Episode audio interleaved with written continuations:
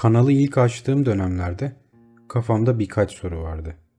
İlki neden böyle bir şey yaptığım, ikincisi ne yapacağım. İlkinin cevabını ne yazık ki hala bilmiyorum. Fakat ikincisinin pek çok cevabı olduğunu şimdi bile hala aynı heyecanla biliyorum.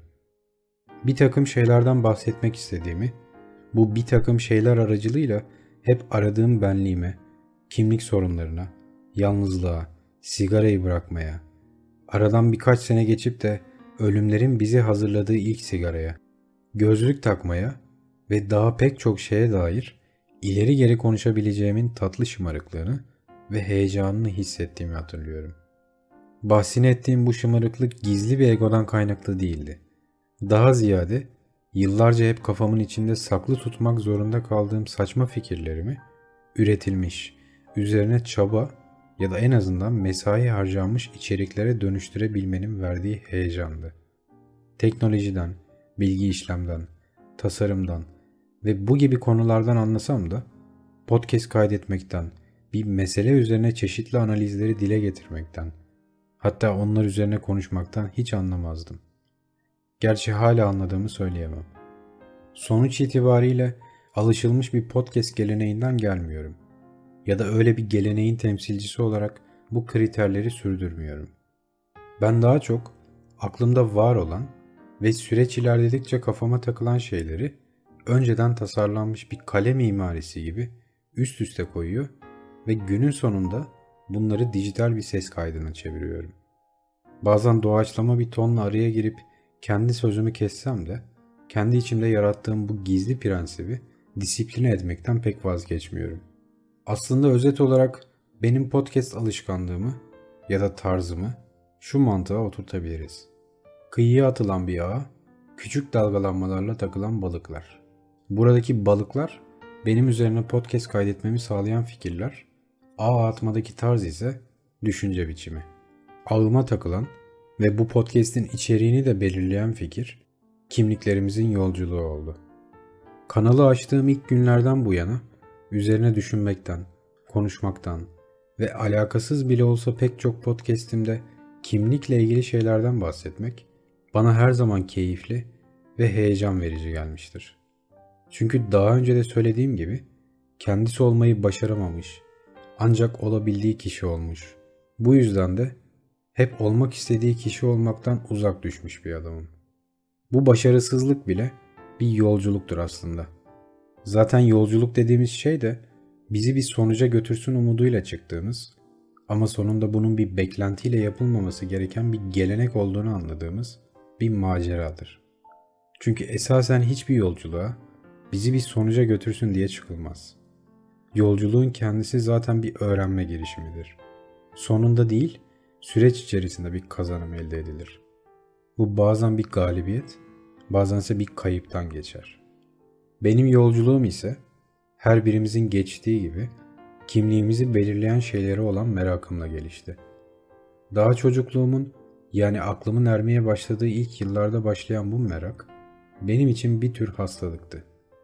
Herkes gibi olabilmenin kadim huzuru benim için ulaşılmaz, şifasının ancak rol yapmaktan geçtiği bir tür öteki olma hastalığıydı. Çocukken uğradığım zorbalıklara karşı kendini koruyabilme, kavga sırasında korkmadan, karşımdaki gibi düşünmeden canice dövüşebilme ve çocuk oyunları sırasında gizli rol yeteneği ve hatta dolandırıcılık seviyesinde hile kabiliyetleri bende pek var olan şeyler değildi. Diğer çocukların hiç çekinmeden, arkasını düşünmeden yaptıkları şeyler benim için eve gidince ortaya çıkarsa hesap vermek zorunda kalacağım korkunç hayaller olarak sınırlı kalırdı. Duyulursa diye ödümün koptuğu şeyler başka çocuklar için serserilik bile değildi. Bu da onların 32 yaşına gelince hoşlandıkları kızlara gidip hiç çekinmeden selam vermelerini ya da ailem üzülmesin diye düşünmeden adımlar atmalarını sağladı. Bense şimdi aynı dönemde geçirdiğim çocukluğun enkazı altında kalıp tüm bu olan bitenleri seyirci oldum. Kimliğimizin yolculuğu bahsettiğim gibi daha çok küçükken, henüz çocukluğun ilk yıllarında başlar. Mahalle kavgaları, sınıf maçları, ilkokul yıllarındaki popülasyon, sınırlarınızı belirleyen çevresel faktörler ebeveynlerinizin eğitim düzeyleri, size yaklaşımları, eleştiriye olan tahammülleri, fiziksel özellikleriniz ve maddi durumunuz.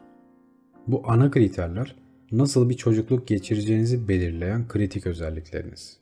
Daha acısı çocukluk döneminde bunların hiçbirisi üzerinde söz hakkınızın olmaması. İlerleyen dönemlerde yani ilk gençlik dönemlerindeki tarihsizlik ise bahsettiğim şeyler üzerinde söz hakkınızın olduğuna dair kapıldığınız yanılgı. Hayatın böyle saçma bir mizah anlayışı var ne yazık ki. Bu süreçte başlayan ergenlik dönemi, ailenizle aranızda zaten var olan mesafenin şiddetinin artmasına, karşılıklı anlayış kaybına ve tahammülsüzlüğe yol açar. Sonraki süreçte başlayan ilk gençlik dönemindeki okul yılları, iş hayatı, sosyal hayat, rafine zevkleriniz, hobileriniz ve merak duygunuzu besleyen alışkanlıklarınız ve tüm bunların gölgesinde aşk konusundaki talihiniz. Bunlar toplumsal açıdan ele aldığımızda kimliğimizi belirleyen ana kriterlerdir. Fakat ben tıpkı önceki podcastlerimde de olduğu gibi kimliği bir yolculuk olarak görmeme neden olan öteki şeylerden, kimliğin kederli yanından, konuşulmayan, üzerinde durulmayan yanlarından bahsetmek istiyorum. Keder, kimliğimizin yolculuk sırasında gösterdiği dirayeti belirleyen en önemli silahtır. Eğer ruhunuz melankoliye yatkınsa, yolculuk sırasında başınıza gelen felaketleri bir talihsizlik olarak görür ve yaşanan her felaketi fatalistik bir bakış açısıyla yani kaderci, yazgıcı bir tavırla kabul edersiniz. Bu da eylemlerinizi ve dolayısıyla hayata bakış açınızı, onun neresinden yakaladığınız gerçeğini ortaya koyar. Keder faktörünü belirleyen şey yalnızca ruhunuzun doğuştan üzgün olması değil, şiire ve edebiyata merak duymanız, kadınları hem cinslerinize göre daha iyi anlamanız, burada cinsiyetçilik değil, toplumsal bir gerçeklikten bahsedilmektedir. Ve her şeyden öte, toplumda gösterdiğiniz duruşun şeklini belirler. Daha ağırbaşlı, melankolik, eğlenceli, asabi, sessiz sakin ya da bunların hiçbiri. Bir hiç olarak anılırsınız. Bu yüzden keder tehlikeli bir şeydir. Hayat biraz kalıbına göre olanları ister. Bu yüzden onları kayırmaktan da gizli bir zevk duyar. Mümkün olduğunca şartlara uyum sağlamak ve talihsizlik olarak gördüğümüz şeyleri şansa çevirmek daha mantıklı. Keder dışında en az keder kadar belirleyici olan şey özgüvendir. Özgüven yalnızca hoşlandığınız kıza gidip açılmanızı değil, istediğiniz renkte gömlek giyebilmenizi, kötü bir sese sahip olsanız da karaoke yapabilmenizi, o salak aksesuarı takabilmenizi ve bir cemaatte, bir arkadaş ortamında ya da yeni tanıştığınız birine karşı içinizden geldiği gibi ambalajsız, aksesuarsız bir tavır takınmanızı sağlar. O yemeği yalnızken yediğiniz gibi yiyebilir, o şakayı arkadaşlarınızın yanındaymış gibi gülebilir ve hatta öfke anlarında bile kontrolün sizde olmasını sağlayabilirsiniz. Çünkü birilerine ya da kendinize bir şeyler ispat etmek zorunda olmadığınızı en iyi siz bilirsiniz. Daha kişisel olarak örneğini verdiğim tüm bu şeyleri belirleyen, yani kimliğimizin bir yolculuk olmasını sağlayan asıl durak çocukluğumuzdur. Çocukken oynadığımız oyunlar, bu oyunlar sırasında yaptığımız kavgalar, yediğimiz dayaklar, dışlanmalar, oyuna dahil edilmemeler, maça çağrılmamalar, ailemizin durumu iyi değilse veya yakışıklı ya da güzel bir çocuk değilsek kimse tarafından umursanmamak, kalbimizde derin bir yaranın hatta kusursuz bir boşluğun oluşmasını sağlar. Bu boşluk içindeki yara yıllar içinde büyür, büyür ve büyür. İçimizde akan şeyler yoğun bir kan göleti olmasa da içimizde bir şeylerin kanadığını, bir şeylerin sürekli kırılmakta olduğunu hissederiz. Neden kızlar o çocuk gelince ona farklı davranıyorlar başlarda anlamayız. Böyle anlarda diğer dışlanmışlarla birlikte kendimize bir alem yaratır ve kızlar tarafından daha çok ilgi gösterilen o çocuğun yanında olamasak da bizim de kendi dünya görüşümüz olduğuna inanmak isteriz. Sevgili dinleyici, nasıl bir çocukluk geçirdim bilmiyorum. Bildiğim tek şey benim olduğu gibi, diğerlerinin olduğu gibi, senin de kalbinin muhakkak kırıldığı ama yola devam etmek zorunda kaldığın. Böyle anlarda insan kalbimizi kıran o çocuğun mahalleden taşınmasını, bir daha onu hiç görmemeyi diler. Hatta mümkünse diğer çocuklarla birlikte bir an önce bu mahalleden, bu okuldan gitmelerini ister.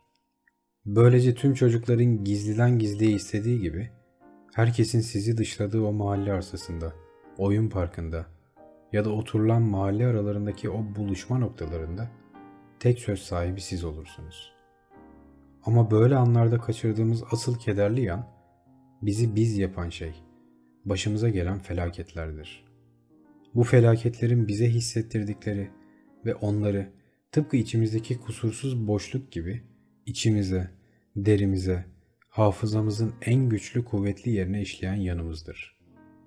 Kimliğimiz ancak onu kabul edersek rahata erecek bir huzursuzluk halidir. Üstelik nasıl biri olmak istersek, olabileceğimiz kadar kafamızın çalıştığı bu alemde, keder, ancak bizim gibi talihsizlerin üstesinden gelebileceği bir mucizedir. Siz de eğer kederli bir talihsizlikle baş ettiğinizi ve kendiniz olmaya çalışırken zorlandığınızı düşünüyorsanız, bu kederin bir mucize olduğunu hatırlayın. Belki o zaman kendiniz olmaya çalışırken rol yapmaz, kendinizi sıkmaz ve bu alemin basit ve anlaşılabilir yanını keşfedersiniz. O gün geldiğinde görüşmek üzere.